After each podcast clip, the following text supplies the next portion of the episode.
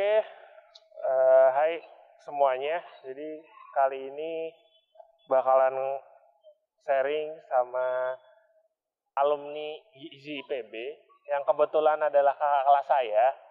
Sekarang mengabdi di RSUD Natuna. Uh, kita sambut namanya Mas Randi Prasetya.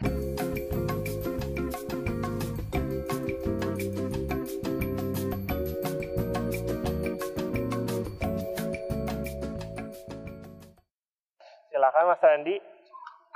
Halo, assalamualaikum. Waalaikumsalam. Teman-teman. Boleh Mas sedikit Uh, mengenalkan uh, diri Mas Randi? Hmm, suara- suaranya cukup jelas lah ya. Jelas, jelas, ya? Mas, jelas.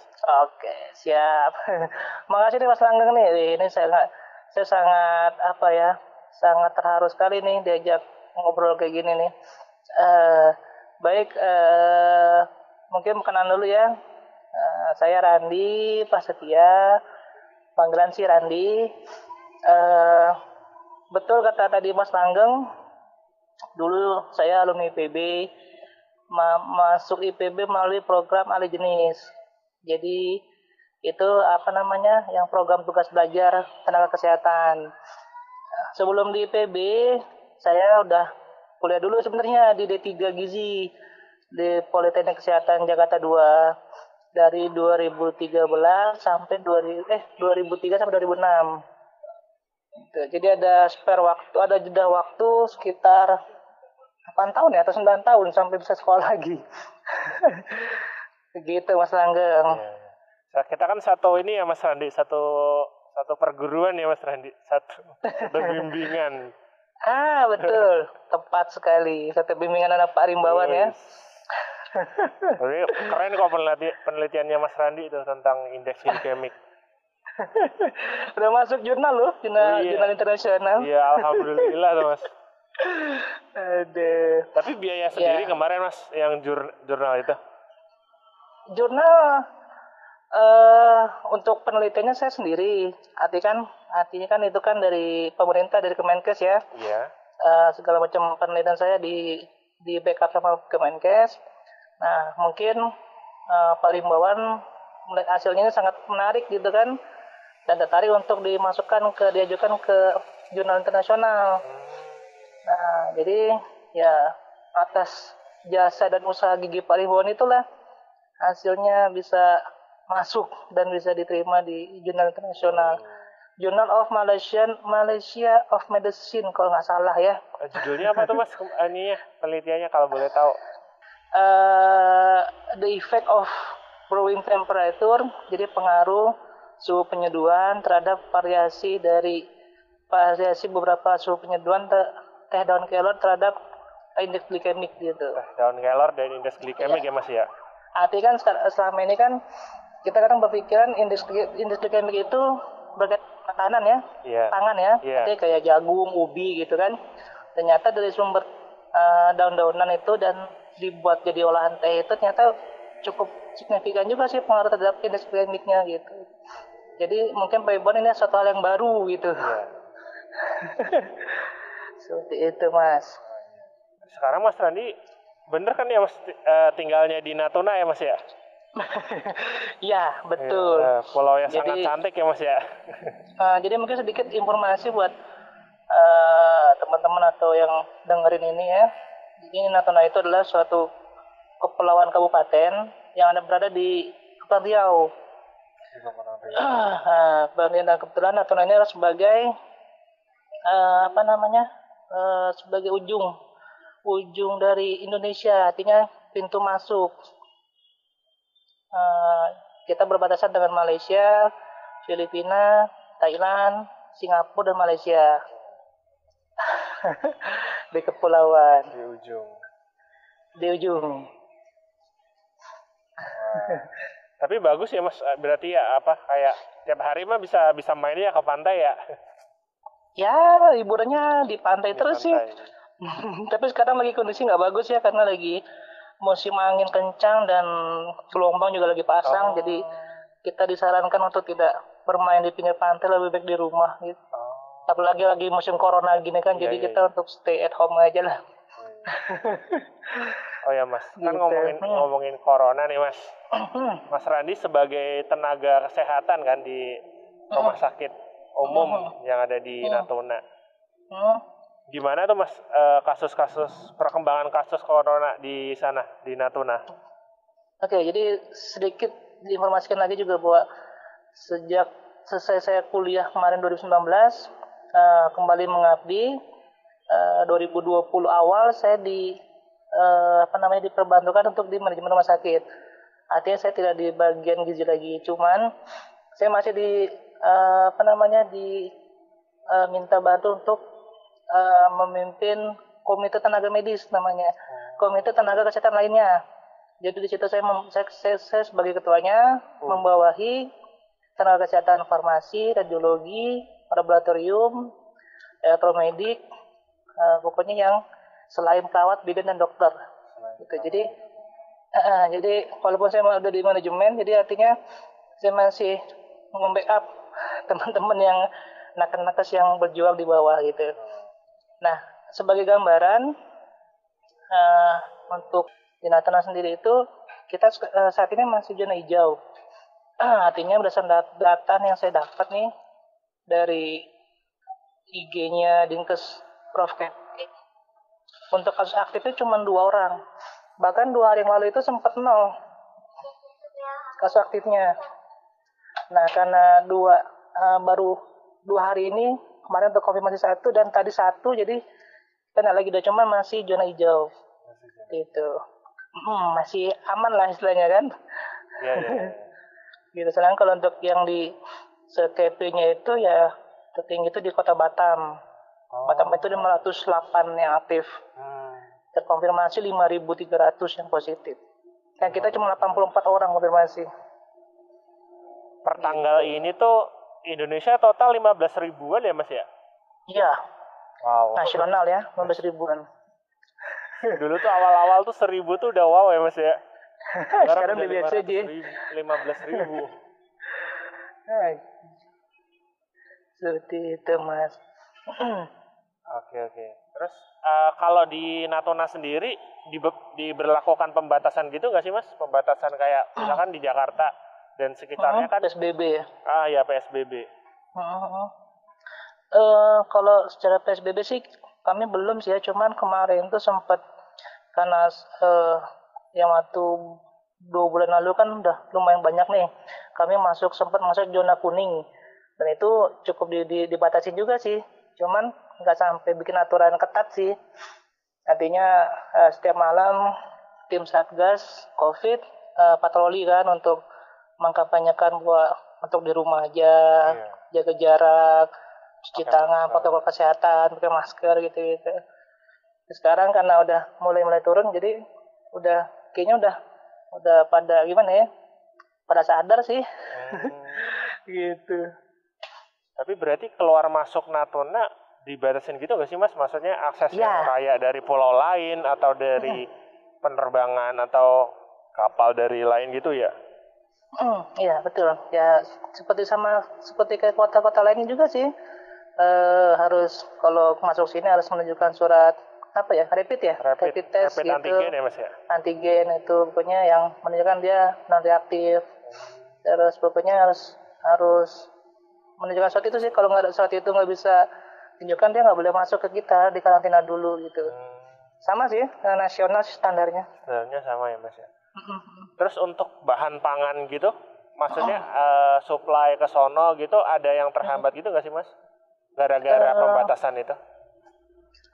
kalau untuk penumpang eh, penumpang itu artinya orang ya Iya. itu memang memang dibatasin tapi kalau untuk eh, bahan makanan itu eh, memang mereka ada ada khusus tersendiri gitu jalurnya artinya eh, aksesnya itu di- dimudahkan Oke.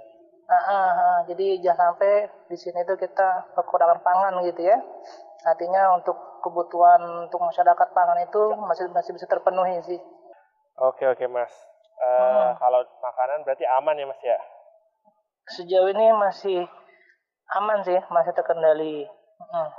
Nah, ngomongin tentang tadi protokol kesehatan yang ada di Natuna nih mas. Mm-mm. Eh, kalau menurut Mas Randi sendiri warga-warganya tadi kan sempat nyeletuk nih Mas Randi uh, warga-warga udah mulai sadar gitu. Nah, uh, sesadar apa sih Mas menurut menurut Mas Randi masyarakat di sana? Hmm, mungkin gini ya, kita coba lihat dari dari dari segi jumlah ya. Ketika kita bandingkan dengan jumlah di kota-kota besar, Jakarta, Bandung, Surabaya gitu kan, itu kan dengan beragam orang dan jumlahnya banyak ya. Artinya yeah. kan agak susah untuk dikendalikan gitu kan. Tapi kalau di sini kan kami masih penduduk itu nggak gitu banyak deh dibanding dengan kota-kota besar. Jadi artinya artinya melalui penyuluhan aja tuh udah udah cukup sadar sih menurut saya ya sepengetahuan saya sih gitu jadi artinya nggak terlalu yang susah lah untuk untuk dibatasin gitu untuk apa. Mereka udah udah kayaknya udah sadar sendiri gitu. Dan kan memang penduduknya nggak nggak gitu banyak kan. Seperti itu. Tapi udah udah udah ada apa indikasi kejenuhan nggak mas dari masyarakat gitu? Misalnya katakanlah ada yang bosen ah bosen ah nih pakai masker terus ah, bosen nih jaga jarak uh, ketika di rumah ibadah atau jaga jarak di tempat-tempat umum kayak di restoran, tempat makan dan hmm. lain sebagainya. Hmm, mungkin fasenya itu sudah terlewati kali Mas Langgeng kalau menurut menurut saya ya. Iya, iya. Artinya puncaknya kemarin itu sudah udah dilewati artinya ya udah jadi mereka kemarin itu udah dengan udah dengan sendiri udah ah, pakai masker lah gitu dan lagian di sini pun uh, setiap hari itu ada razia Mas Langgeng. Oh, okay. Razia masker, razia pokoknya protokol kesehatan lah artinya orang-orang yang nggak pakai masker apa itu dicatat gitu kan, dikasih peringatan gitu. Jadi ya malam ya boleh tanda kutip masih daerah daerah perkampungan gitu ya, belum belum di kota. Bahasa jadi artinya mereka masih kepatuhan itu masih masih bisa dikendalikan lah sama sama pemerintah daerah sendiri. Kalau kayak razia masker tadi tuh berarti hmm? ada sanksinya gitu nggak mas? Iya, pasti kan dicatat dulu nih, dicatat berapa kali catatan kalau sudah terindikasi berapa kali pengulangan kesalahan ada ada dendanya gitu. Hmm. Tapi sejauh ini sih saya lihat belum belum ada denda yang yang sampai bayar denda atau apa gitu ya. Hmm. Uh, paling kayak sanksi sosial gitu mas. Kalau di kalau di sini kan di hmm. katakanlah di Jakarta dan Hmm. Karena saya tinggal di Jakarta, jadi di Jakarta yang waktu awal-awal tuh ada yang nyapu. Iya iya. Lihat lihat di berita. Sampah ya.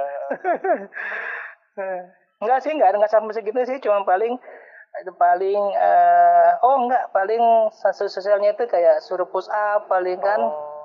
uh, paling dicatat aja namanya dan itu aja dicatat aja mereka sih udah malu kan hmm. udah artinya udah udah malu lah udah kok malu lah saya gitu kan nah, paling sih gitu sih nggak sampai yang gimana kali gitu berarti dengan dengan demografi Natuna sendiri sebenarnya apa e, masyarakatnya cenderung lebih gampang patuh gitu ya mas ya? Berarti kalau disuruh misalkan pemerintah daerahnya ayo e, warga-warga teman-teman e, ikuti protokol kesehatan gitu hmm. berarti cenderung cenderung mematuhi gitu ya mas ya berarti? Iya betul betul. Dan malah malahan dari masyarakat sini mereka meminta lockdown sebenarnya. Artinya oh. Pemerintah kan kalau di Jakarta yang saya saya baca ngikutin beritanya ya pemerintahnya menerapkan lockdown tapi masyarakatnya ah, ngapain sih lockdown? Agak protes gitu kan. Yeah. tapi kalau di sini kebalikan. Di Natuna ini malah masyarakatnya yang minta lockdown. Artinya sepenumpang dari pesawat dari kapal laut gitu kan itu kok bisa jangan sampai masuk ke kita biar kita aman gitu. Cuma pemerintah masih mempertimbangkan. Artinya ya kalau di lockdown semua nanti bagaimana dengan akses akses tadi kayak sembako akses perekonomian kayak gitu gitu jadi kebalikan sih dengan yang di kota besar kayak gitu. Malah di masyarakat sini minta lockdown aja lah gitu. Ngapain sih kok masih tim-tim orang luar gitu kan? Kita nih udah kita nih zona kita zona zona hijau gitu kan? Maksudnya masih aman dari dari corona gitu gitu sih berarti emang berarti kalau kalau lo kalau minta lockdown sendiri masyarakatnya hmm. berarti memang hmm. secara ekonomi secara kesiapan warganya sendiri siap ya mas ya kalau misalkan tidak ah, hmm. tidak ada supply atau tidak ada hmm. kegiatan perekonomian mereka masih bisa untuk bertahan iya. beberapa bulan gitu ya berarti karena di sini kan uh, sebenarnya uh, mereka sudah survive ya dengan dengan ketahanan pangan yang ada gitu sepertinya kan uh, di laut itu kan banyak ikan gitu yeah. kan itu kan udah salah satu sumber ketahanan pangan yang cukup yeah. potensial kan kayak ikan, udang, cumi. Pokoknya di di pantai di laut itu apa aja ada gitu kan.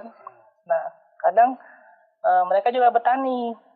Mereka nanam nanam padi, nanam ubi, jagung. Jadi artinya secara mandiri mereka sudah mempersiapkan tanam pangan itu sendiri gitu loh walaupun yeah. mereka nggak belajar gizi ya yeah, yeah, yeah, yeah. tapi mereka udah saya lihat loh ini oke juga ya saya bilang kan yeah, yeah. Uh, kok saya kita yang istilahnya orang kota aku malah malah baru tahu gitu kan yeah. ketergantungan sama beras ketergantungan sama mie gitu kan yeah. kalau mereka udah mereka nggak ada beras nggak ada mie nggak ada apa ada Bisa ubi dia gitu. ah, nyari ikan nyari ubi nyari apalagi ya jagung gitu jadi artinya aman gitu gitu. Jomplang banget ya mas ya kalau kita bandingkan sama katakanlah kemarin uh, asal saya nih dari Madiun kemarin saya sempat uh, pulang uh, sempat pulang empat empat hari. Uh, dari tanggal 4 Januari sampai tanggal 8 uh, itu tuh masyarakatnya banyak mas di pinggir di di luar stasiun kereta itu tuh uh, nggak pakai masker nggak jaga iya. jarak ketika hmm. kan saya iseng beberapa kali nanya yeah. kenapa pak kok nggak pakai masker iya mas bosen hmm. pakai masker mulu kenapa saya nggak bisa nafas gitu bilang eh. kan nggak takut kena corona ya mas hmm. saya malah lebih takut nggak bisa makan hmm. gitu jadi iya apa ya sih. karena mungkin orangnya banyak kepalanya hmm. banyak juga nggak bisa diatur nah. se sedemikian rupa jenuh juga dan banyak banyak hoax mas kalau di di terutama di daerah ya, di Madiun betul. ya mas ya hmm. tempat asal saya kalau di Mas Radi sendiri kalau hoax-hoax terkait uh, corona ini gimana mas? Nah untuk hoax nih memang ini satu ini sebenarnya virus yang cukup mengerikan juga sih ya selain corona ya. Iya. Karena apa? Karena uh, ini pun bukan bukan bentuk yang nyata tapi bisa bisa berpengaruh terhadap kehidupan sosial. itu jadi untuk yang kalau di sini sih uh, banyak juga sih hoax hoax artinya jadi gini ya untuk contoh lagi nih uh, terutama yang sedang sering diserang itu adalah kami yang tenaga-tenaga medis yang kerja di rumah sakit lah yeah. terutama ya karena kan hmm. itu orang banyak bilang garda terdepan gitu yeah. kan sebenarnya kalau kalau kami itu beranggapan kami bukan garda terdepan ini kami ini garda terakhir sebenarnya oke okay. uh, garda terdepan ya masyarakat itu sendiri gitu kan bagaimana mereka mereka bisa menjaga protokol kesehatan nah ketika mereka udah sakit kami terakhir yeah. yang merawat kan gitu istilahnya jadi uh, ini yang sering di disalah kaprahkan gitu kan. Nah, kita kembali kaitan dengan corona itu sendiri kan banyak yang yang bilang ah nih corona ini nggak ada gitu kan. Corona ini cuman uh, apa namanya uh, sebagai uh, apa sih namanya sabotase permainan elit global apalah gitu ya whatever sih saya yeah. saya nggak tahu sih mas sebenarnya kan apa yang terjadi cuman ya saya sih melihatnya teman-teman sendiri sih teman-teman di lapangan di bawah gitu kan di di, di ruang isolasi bagaimana dia harus memakai hazmat itu kan pakai APD lengkap itu kan berjam-jam dia harus merawat dia harus memberikan pelayanan itu tuh gimana rasanya gitu kan iya. masa kalau kalau ya sih logika bodoh saya aja sih yang yang yang taruhlah orang-orang awam gitu kan apakah mau mereka kayak gitu kalau bohong-bohong istilahnya kan? Iya. Sampai kami disterilkan, kami masuk rumah sakit harus cek suhu dulu, kami harus cuci tangan dulu. Kalau kami agak-agak demam dikit nggak boleh masuk, gitu kan? Itu kan berarti kan udah protokol kesehatan yang cukup bagus sih menurut saya. Iya. Kita jadi peduli kan, oh, ya kita hmm. diukur suhunya biar oh ya kita bagus nih, gitu kan? Nah, jadi artinya kok, tapi kok uh, ketika melihat teman-teman bekerja sebegitu apa sebegitu kerasnya gitu kan masih ada yang yang bilang-bilang macam-macam kan gimana? Gitu sih mas. Artinya ya ya bagaimana kita bisa menyikapin aja sih gitu. Dan juga teman-teman juga perawat-perawat pada bilang aduh kita udah kerja capek-capek kok. Kalau dibilang dibilang macam-macam gitu ya hmm, ya gimana sih dia juga punya keluarga di rumah kan yeah. punya anak punya istri dan dia harus meninggalkan mereka dan dia harus di karantina diisolasi gitu kan apakah itu suatu pembohongan itu istilahnya kan saya rasa mana ada sih mau kayak gitu gitu yeah. loh eh. emang betul lah sedih juga sih mas. Saya juga yang bukan maksudnya yang bukan tenaga kesehatan melihat kayak orang-orang pada tidak percaya atau bilang wah ngada-ngada nih. Tak ngelihat saya ngelihat kasihannya bukan bukan ke siapa-siapa ngelihat ke tenaga-tenaga medis dokter perawat teman-teman gizi teman-teman uh, farmasi yang bahkan ketika di rumah sakit pun atau di puskesmas pun mereka bener-bener protokol kesehatannya dijalankan lebih iya. ketat, pakai hazmat ya bener kayak hmm. Mas Andi bilang tadi. Hmm. Pakai masker beberapa lapis. di desinfektan dulu, ganti baju, oh. sampai nggak bisa Betul. ketemu keluarganya dulu. Hmm. Betul. Tadi kan Mas Anggang udah udah nying, apa nyinggung kan uh, bilang masyarakat pakai masker aja udah mulai bosan gitu yeah, kan. Yeah, yeah. Itu mungkin hanya berapa jam atau satu dua jam. Nah, sedangkan bagaimana teman-teman yang di tenaga kesehatan yang udah pakai azmat, apa dia lengkap, masker berlapis, pakai lagi facial, pakai lagi sarung tangan dan itu nggak boleh nggak boleh minum makan selama berapa jam karena kalau udah itu kan uh, terpapar kan, yeah. Iya. terpapar udara gitu kan, airborne kan. Nah, coba bayangin itu dia tahan nggak kayak gitu iya, iya. aduh hmm.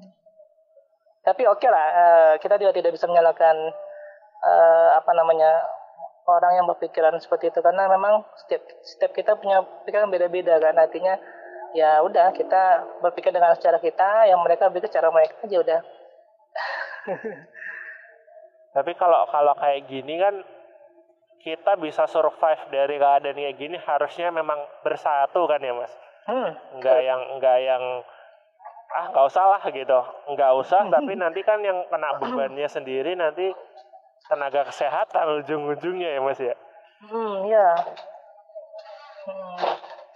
ya karena kan nanti kan ketika dia sakit atau dia apa pasti kan larinya ke kami kami kan? Iya itu kami ya udah jadi garda terakhir lah istilahnya kan. Mereka sudah tidak sanggup lagi di rumah lari ke kami. Tapi sekarang kan uh, sudah ada aturan baru nih dari Kemenkes nih artinya untuk yang terpapar atau terkonfirmasi selama dia tidak menunjukkan gejala yang berat dia cukup diisolasi di rumah kan gitu. Iya.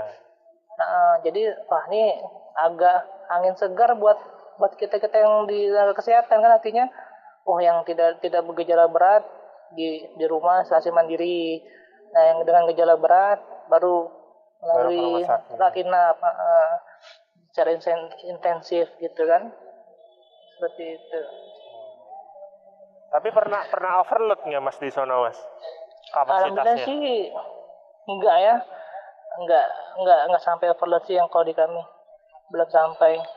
Ya, ya. cuman penuh penuh iya cuman sampai overload itu uh, belum sampai. Terus hmm. yang saya ini mas apa saya penasaranin, hmm?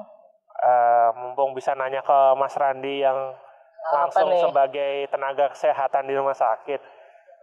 Kalau kan sekarang tuh uh, fokus kita, fokus hmm? fokus pemerintah juga hmm? itu kan ke ke corona ini, ke COVID-19 hmm. ini. Hmm. Nah, apakah ada uh, dalam tanda kutip penganaktirian untuk penyakit-penyakit yang lain, Mas? Maksudnya uh, kalau, kalau ada pasien nih yang di dulu ya udah yang COVID dulu, yang lain uh, entar dulu deh atau uh, porsi untuk menerima penyakit yang lain agak dikurangin, yang free fokusin ke yang corona dulu gitu. Hmm. Jadi gini mas, saya teringat dengan kalimat kepala dinas kesehatan di Natuna kami ini. Jadi ketika ketika berapa hari lalu ada acara, uh, beliau menyampaikan uh, corona ini adalah penyakit seribu wajah dan corona ini adalah penyakit dengan seribu seribu gejala. Artinya seribu wajah itu dia bisa masuk dengan flu, bisa bisa terkonfirmasi positif dengan sesak napas bisa terkonfirmasi positif. Dengan diare akut bisa terkonfirmasi positif. Dengan mah akut bisa terkonfirmasi positif. Artinya artinya memang betul. Bukan bahasanya mungkin bukan tirikan ya. Cuman uh, yang sekarang ini kita lihat penyakit uh, namanya. Artinya dia uh, penyakit dengan komorbid itu kan ya kan dia dengan dengan dengan penyakit berat ya kayak uh, eh, DM, hipertensi, jantung.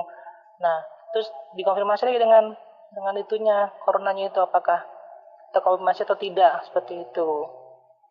Jadi uh, seperti apa ya? Seperti udah udah disandingkan lah gitu istilahnya secara nggak langsung gitu yeah. ya. Iya. Bahkan yang mau melahirkan yang dengan kehamilan itu pasti dicek juga untuk uh, anti antibodinya kan antigennya itu. Apakah ada ada kecenderungan untuk ke arah sana ataukah apakah dia berpotensi nih untuk bisa terkena kayak gitu. Oh. Iya pasti pasti akan jadi. Ya itu di selalu di diperiksa gitu. Jadi screening awal gitu ya berarti mas ya? Iya betul. Itu udah standar screening screeningnya itu udah standar apalagi uh, Dede dengan gejala sesak napas nih, yeah. demam selama tujuh hari itu udah kita duganya ke sana aja gitu loh. Nah yeah. ini juga ini jadi satu dilema juga sih. Uh, ini ini yang kami rasakan juga nih mas. Artinya masyarakat uh, atau orang awam lah ya, mungkin sebagian lah ya oknum lah ya, nggak nggak semuanya um, bilang ah nggak usah ke rumah sakit lah gitu. Nanti cuman flu aja dibilang positif gitu kan sebenarnya nggak gitu jadi terkesan rumah sakit mem mempositifkan atau mengada-ngada lah ah, mengcovidkan nah gitu bahasanya itu. Padahal enggak itu kan kita harus standar. Artinya ya kan dicek dulu rapid test antibodinya antigennya. Antigen itu kan yang kita melihat. Apakah di tubuh ini berapa persen sih untuk uh, bisa ditularkan atau menularkan kan gitu. Iya. Yeah. uh, ya nggak tahu sih ya uh, kok bisa segitunya gitu loh dahsyatnya nih si si corona ini karena memang kejadian saya saya memang tidak mengalami langsung ya mas amit amit mm -hmm. amit amit mm, yeah. cuma saya tahu salah satu temen saya itu mm. keluarganya ada yang meninggal karena ini mm, mm. karena coronavirus ini dan mm. gejala dari dari dari muncul gejala sampai nggak mm. ada itu waktunya cepat bahkan ya, bahkan betul. kita nggak ada yang menyangka gitu hmm. memang memang serem ketika ketika udah positif hmm. dan gejala muncul punya penyakit penyerta yang kayak Mas Randy bilang tadi DM hmm. hipertensi komorbid okay. hmm. memang serem banget hmm. kami kebetulan di sini ada dua dokter kami yang udah terpapar dan uh, kurang lebih 3 sampai 7 hari itu langsung meninggal. Jadi artinya uh, ya uh, memang yang satu ada riwayat jantung. Yang satu memang dia langsung kan menangani langsung ke pasien dan mungkin dengan kondisi yang lemah, kecapean, imun imunitas turun kan? Iya. Nah, dia imunitas turun jadi mudah terserang dan dan akhirnya gak lama sesak napas berat, udah dipakai ventilator, diinkubasi, tidak tertolong akhirnya meninggal. Jadi uh, ya kita kembali lagi apakah ini bohong-bohongan gitu kan itu rasa saya nggak mungkin gitu kan. Cuman yeah. memang uh, itu tadi kita kembali corona ini kan memang penyakit dengan seribu wajah dan seribu gejala. Artinya kita tidak pernah tahu uh, kita ini menularkan atau ditularkan kita nggak pernah tahu gitu. Iya iya.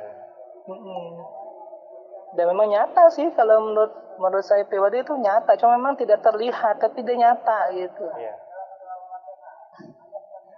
kalau nggak nyata hmm. uh, ini sih kita tidak kalau kita masih bilang bohong tuh kayak kita mendustai teman-teman tenaga kesehatan ah, yang sudah meninggal gitu loh sudah betul berusaha terus ter hmm. ternyata terpapar dan sampai akhirnya meninggal betul. Dan dan yang meninggal itu yang dokter-dokter yang yang tuh di, di, di Natuna sendiri ya itu masih tergolong dokter-dokter muda loh. Artinya artinya bukan yang sudah lansia yang sudah ini enggak. Dia masih dokter muda yang masih produktif banget dan baru selesai sekolah segala macam dan artinya kan masih secara fisik kan seharusnya kan imunitasnya bagus gitu kan. Iya.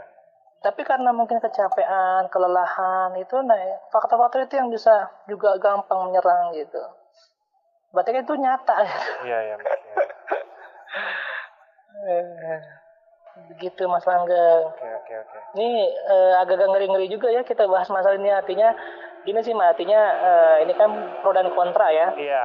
Itu wajar ya di masyarakat pro dan kontra artinya ya saya tidak membela yang pro dan saya tidak membela yang kontra. Artinya ya saya sih berdasarkan apa yang saya alamin sekarang ini dan fakta yang saya lihat di lapangan ya dan dan itu yang saya sampaikan dan mungkin itu sebagai keresahan saya juga ya keresahan bahwa e, masa kok udah seperti ini kok masih di, masih dibilang hoax masih dibilang uh, untuk bisa sebagai untuk uh, mengeluarkan insentif tenaga kesehatan yeah. gitu kan padahal jujur mas kalau mas boleh tanya nih ke tenaga kesehatan itu tuh mas tanya satu tuh hmm. mau nggak ada ditugasin di ruang isolasi untuk tangan covid saya rasa nggak ada yang mau paling iya yeah. Mau dibayar berapapun dengan risiko seperti itu saya rasa nggak ada yang mau. Tapi karena karena sudah ya oke okay lah ini udah profesi kan? Iya. udah profesi kami udah tanggung jawab kami ya. Apa ya dan kita sudah disumpah kan? Kita ada sumpah profesi kan? Ya, sumpah. kita maksudnya sumpah profesi artinya uh, mengabdi kepada masyarakat gitu kan? Ya. apa pun apa pun resikonya dan ya udah itu yang kita jalanin. Nah, artinya mereka pun tidak melanggar sumpah dan kenapa harus dibuat macam-macam gitu informasi. Nah itu tadi ya kerusakannya tuh ya itu tadi sih artinya uh, oke okay lah kita tidak bisa membendung apa apa yang masyarakat atau orang awam yang pikirkan cuma minimal tolonglah hargai gitu kan hargai dengan uh, selayaknya manusia dimanusiakan gitu kan artinya uh, dengan kondisi ini udahlah kita nggak usah berspekulasi macam-macam lah bilang inilah bla itu udah nggak usah ada saat ini kita sama-sama sih ngebantu kan yeah. saling membantu bahwa ya tenaga kesehatan juga manusia ya kan dia punya keluarga punya anak, punya keluarga, orang tua, anak istri dan dan itu kalau mungkin ditanya satu persatu, saya rasa nggak ada yang mau itu mereka di, ditugaskan untuk sebagai diisolasi kan. Iya. Itu karena sudah keputuskan sudah SPT saat kita tugas dari atasan pimpinan kan? Dan juga mungkin sebagai hati nurani dia sudah oke okay lah saya sebagai profesi perawat atau gizi kan atau laboratorium kan? Ya mau mau kan gitu. Sebenarnya juga kalau saya lihat dengan imbalan insentif tenaga kesehatan itu istilahnya ya itu saya rasa nggak nggak sembanding itu dengan resikonya, perjuangan mereka. ya. dengan resikonya betul. Insentifnya paling berapa kan? Cuma resiko dia yang dihadapin itu itu dia ninggalin keluarga dia nggak boleh ketemu dengan keluarga 14 hari kan iya. Eh, dan bahkan juga ada yang uh, dia nggak boleh pulang ke rumah ada kejadian di saya nih karena waktu awal-awal awal-awal sekali kami positif tuh kan sampai berapa puluh orang kan hmm. itu uh, istrinya itu nggak boleh pulang gitu ke rumah hmm. artinya suaminya itu mengantar baju ke rumah sakit iya, iya. anaknya itu dari jauh jadi kan loh miris sekali gitu kan sedih gitu kan loh mana ada sih uh, sebagai orang sebagai ibu gitu kan harus dipisahkan secara secara apa ya secara paksa lah istilahnya kan iya. kepada sama orang keluarganya kan. Kalau logikanya kita lihat itu mereka sebenarnya mau nggak sih? Kan nggak mau kayak gitu kan. Iya nggak ada. Nah, nah, jadi itu sebagai udahlah gitu kan udah dalam sama lah yuk gitu kan. Udah kayak gini. Dan juga kayaknya sih sekarang ini sudah fasenya sudah lewat sih ya. Artinya uh, masyarakat mungkin udah ada yang cuek juga sih ada yang mungkin malah lebih sadar sih dengan kesehatan iya. seperti itu. Mungkin mungkin banyak yang sekarang menganggap pakai masker itu deh kayak kayak kita pakai baju aja mas. Iya. Kalau keluar nggak pakai masker oh iya nggak pakai masker. Kayak ngerasa oh iya aku keluar nggak pakai baju. Pulang lagi ngambil masker beli masker. Iya betul betul ya, mungkin juga sekarang nih kan lagi heboh heboh juga kan uh, semenjak Pak Jokowi udah divaksin gitu kan dan iya, vaksinnya iya, iya. udah udah mulai didistribusikan ke daerah-daerah ya ini juga pro kontra juga kan sebenarnya kan di, di lapangan tapi ya udahlah karena lembaga-lembaga terpercaya sudah mengeluarkan rekomendasi ya mau nggak mau kan kita harus ngikut gitu kan kayak BP POM kan udah hmm, udah merekomendasikan sudah boleh divaksin gitu kan. Apa? Darurat hmm, MUI juga ya, sudah ngasih MUI iya. halal. Hmm. kalau di sana gimana mas ngomong-ngomong soal vaksin tadi? Uh, distribusinya udah nyampe sana berarti ya? Kami sudah ah, jadi gini untuk di di Kepri itu sendiri uh, yang tuna-tuna ini kami tahap dua dapatnya. Artinya tahap pertama itu mereka fokuskan ke kota-kota besar di Batam, Tanjung Pinang sama apa satu lagi ya? Pokoknya tiga tiga kota dulu tahap pertama. Nanti tahap berikutnya baru kabupaten-kabupaten yang yang yang yang terluarnya kan kayak Natuna, Anambas. Jadi kami ini tahap kedua. Cuman ke, dari segi kesiapan uh, saya pun baru kemarin rapat sama dinas kesehatan. Itu kami sudah siap. Artinya kami dibagi 14 posko. Puskesmas untuk sebagai vaksin kan? Dan eh, gudang-gudang uh, apa gudang untuk penyimpanan vaksin itu sudah disiapkan juga dengan freezernya segala macamnya gitu. Jadi secara kesiapan sih sudah sudah 90% itu sudah siap sudah siap. menerima gitu. Dan data juga sudah data sudah masuk dan sudah tinggal di distribusikan aja sih nantinya gitu. Kalau Mas Randi sendiri, ini berarti nanti masuk masuk yang dapat ya Mas ya? Masuk yang divaksin ya berarti? Iya, saya dapat dan saya udah cek juga di pelindung ID kan, pelindung diri.id itu ya. nama saya terdaftar dan untuk registrasi ulang cuma saya belum sempat nih pas sekarang registrasi ulang karena saya pikir ah ini masih tahap 2 tahap 2 itu kalau salah dapatnya itu bulan Februari deh. Nah jadi masih masih lama lah untuk daftar.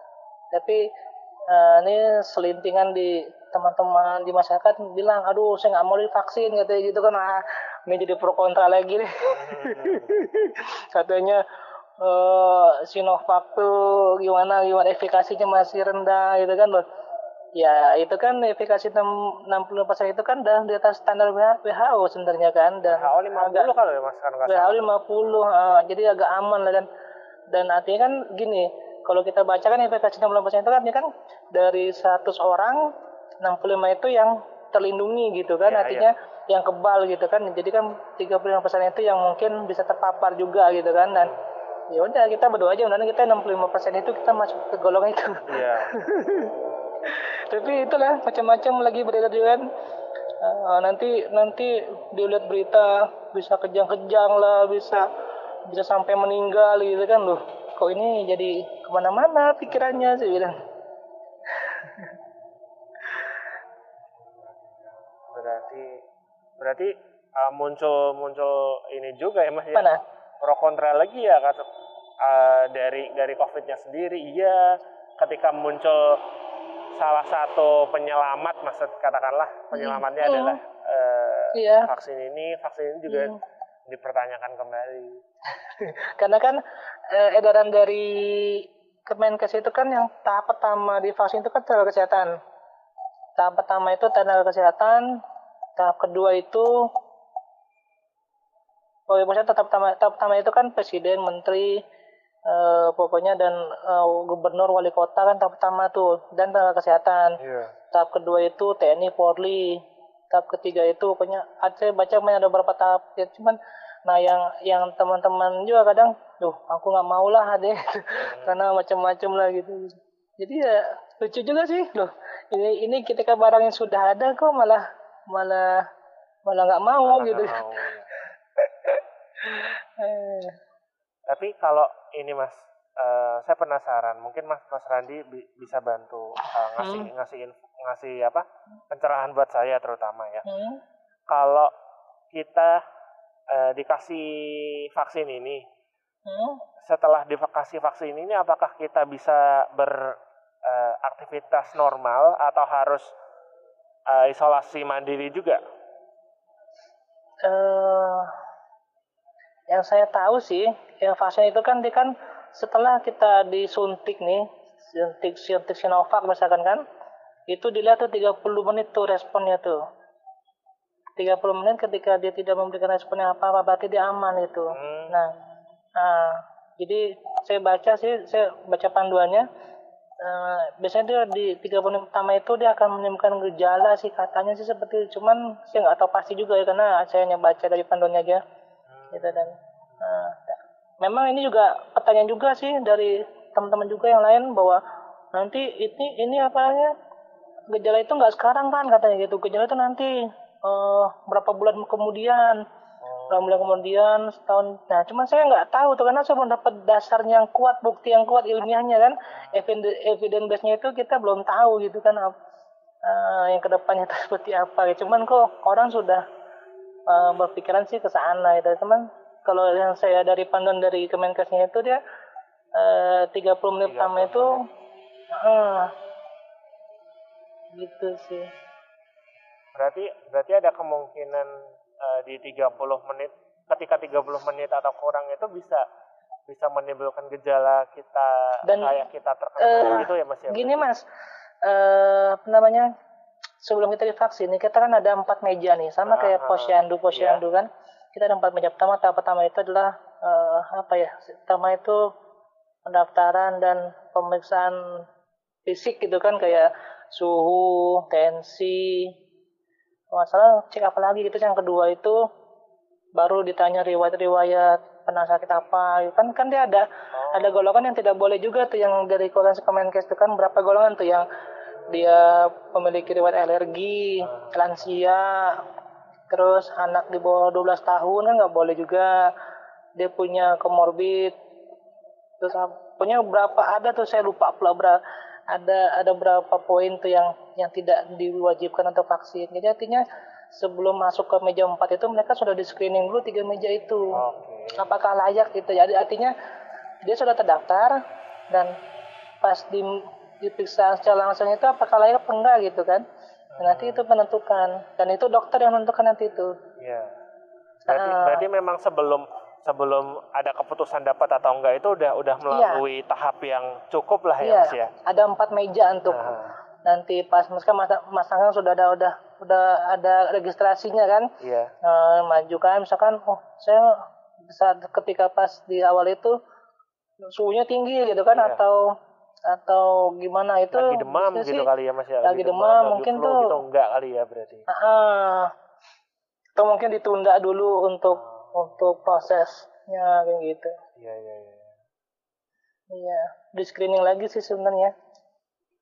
Oke oke. Mas Langgeng gimana?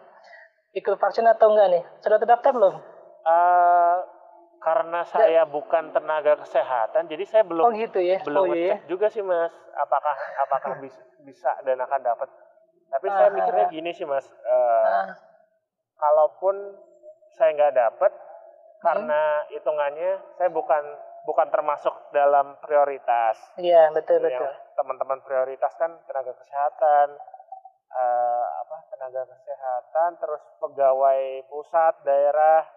Hmm. Dan iya betul betul. hmm. Saya sih mikirnya kayak ya karena mungkin saya masih usia produktif, kondisi tubuh juga masih masih bagus apa, gitu bagus ya bagus lah ya gitu ya mm-hmm. kalau kena pun amit-amit uh, masih masih bisa sembuh dalam waktu yang cepat iya betul, betul. karena kita lihat kemarin kayak Cristiano Ronaldo aja dia kena mm-hmm. terus tidak menunjukkan gejala apa-apa mm. dua tiga hari gitu dia udah sembuh. dikatakan sembuh iya iya betul betul mm-hmm. tapi gitu, kalau uh... tapi kalau saya dapat saya mau mas iya saya mau Iya iya betul betul. Sama kayak presiden apa Donald Trump tuh kan positif tiga hari berikutnya udah yeah. bisa memberikan statement lagi di. uh, hmm? ya vaksin ini kayak kayak ngasih harapan gitu loh mas maksudnya kayak yang kita dalam satu tahun kemarin benar-benar jatuh terpuruk mm. yaitu oh ini ada Betul. ada harapan nih ya walaupun Betul. memang harapannya tidak tidak bisa mm. tidak ada tidak ada jaminan 100% uh, bisa kebal atau bisa hmm.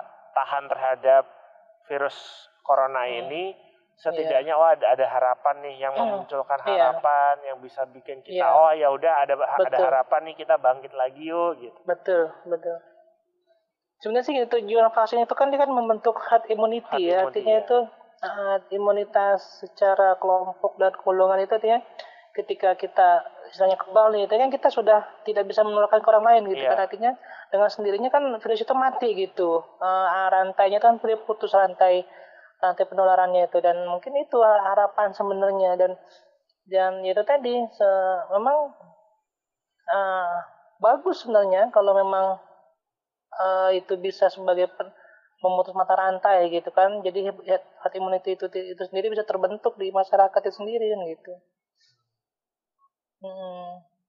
Kayak kayak kita pakai payung aja ya Mas ya. Misal Mas Randi dapat vaksin, dapat payung, payungnya gede hmm. nih. Hmm. Nah, setengahnya bisa bisa bantu nutupin saya. Hmm, ya, betul. gitu kan ya Mas berarti ya Mas ya. Hmm. artinya minimal uh, kita vaksin, kita keluarga kita udah aman gitu kan. Iya. Tidak kan nanti keluarga nanti bisa berembet ke tetangga sekitar, terus ke RT, ke RW satu dua orang divaksin kan bisa melindungi berapa orang kan iya. gitu yeah. mungkin gitu sih uh, arahnya kan akan ke sana kan gitu. Tapi ya mudah-mudahan aja lah dengan program ini berhasil kan dan ya bisa kita lebih normal lagi lah. Memang luar biasa sih mas dampak dari covid nih secara ekonomi ya. Yeah. kita minus lu. Pertumbuhan ekonominya minus kan? Iya iya iya di kuartal tiga empat iya. ya, sampai luar biasa dahsyatnya kan sampai uh, harus uh, eh, APBN kan APBN harus sampai di dirubah lagi struktur untuk untuk jadi untuk bantuan-bantuan itu kan lebih banyak sekarang ke situ yeah. larinya kan. Yang harusnya kita sudah go untuk pembangunan fisik pembangunan SDM karakter segala macam jadi harus merubah struktural struktur itu semua gitu. Dahsyat kali dampaknya. Karena memang memang yang terlihat yang terlihat di sekitar kita aja banyak yang uh, istilahnya dicukupkan atau di, diputus hubungan kerjanya terus ah, yang betul katakanlah restoran tutup hmm. karena orang-orang lebih milih di rumah menghemat di rumah. gitu kan betul betul hotel apalagi mas itu iya karena dampaknya gede banget perhotelan saya ke bulan lalu Desember saya ke Batam. Ada perjalanan dinas kan ke Batam. E, biasanya Batam itu tuh setiap hari itu ramai dengan orang dari luar Singapura kan karena kan e, aksesnya kan dekat ya. Karena kan naik naik kapal feri aja dari Singapura Batam itu kan cuma 45 menit itu bisa sampai kan. Biasanya orang Singapura tuh pada main ke orang Singapura Malaysia itu pada main ke Batam. Nah, semenjak Covid kemarin nih mereka nggak berani keluar. Hmm dan, dan dan tidak dibolehkan oleh pemerintah Singapurnya. Jadi sepi. Saya tanya dengan hotel kan, kami baru buka nih Pak, katanya kan kemarin dua bulan kemarin baru tutup. Loh, kenapa? Karena tidak ada pemasukan dan tidak ada yang wisatawan yang masuk. Oh, memang dahsyat luar biasa. Ya. Dampaknya semoga dengan virus eh dengan virus. Semoga dengan vaksin ini bisa membangkitkan gairah ekonomi lagi ya Mas ya. Ya, itu sih harapannya kan mudah-mudahan uh, terjadi seperti itu gitu kan. Mudah-mudahan. Wah, seru ya. Iya, iya ngomong iya, masalah ini ya. Iya. Jadi jadi tahu nih kerasahan sebenarnya tenaga kesehatan gimana mungkin kalau dari saya hanya gambaran kecil karena kan kami di di pulau kecil dan mungkin juga tidak dengan tidak sebegitu kompleks dengan masalah yang seperti di kota-kota besar mungkin juga akan berbeda halnya dengan teman-teman nakes yang yang di luar yang memang dia sangat berjuang sekali gitu. Mungkin tapi kami merasakan kok artinya dengan dengan yang kasus yang nggak gitu banyak dan masyarakat yang masih sedikit tapi kami cukup kewalahan saat itu kemarin fasenya itu cukup kami kewalahan bahkan kami sempat ditutup rumah sakit kami itu selama 14 hari ketika teman-teman kami uh, terkonfirmasi positif gitu. Bagaimana dengan teman-teman yang di Jakarta, di RSCM, di Persahabatan, di Rumah Sakit Infeksius Sulianti Saroso yang memang yang memang mereka berjuang untuk itu gitu. Saya, saya sih nggak bisa mikir wah ini luar biasa banget. Makanya mungkin itu kali ya uh, hampir ratusan tenaga kesehatan yang gugur gara-gara ya. kelelahan ya kan kecapean juga dia untuk untuk menangani kayak gini gitu kan. Ya gitu sih karena di, di Jakarta kebetulan teman-teman kerja saya adiknya kan hmm. sakit nih mas hmm. kena DB kena DBD hmm. itu nyari rumah sakit nyari rumah sakit itu kayak nyari jodoh mas susah hmm, betul betul. Bahkan dibilang penuh penuh gitu kan, iya, kan dioper dioper kan. Dirujuk lagi ke sini rujuk lagi rujuk lagi penuh hmm. rujuk lagi. Iya memang luar biasa ya. ya lah dan kita sama-sama sadar aja lah artinya untuk diri sendiri kita udahlah uh, hal yang nggak perlu uh, ditahan dulu lah hedon hedonisme ini ditahan tahan dulu deh kita deh nongkrong nongkrong atau apa gitu kan sampai udah kondisi semua benar-benar normal sampai benar-benar ini bolehlah baru yeah. kita pelan-pelan untuk membangkitkan ekonomi lagi gitu. ya, karena yang kita kita melakukannya kita melakukan protokol kesehatan bukan untuk diri kita sendiri, buat betul, orang, buat betul. tetangga, buat keluarga kita, buat hmm. orang lain juga. Gitu.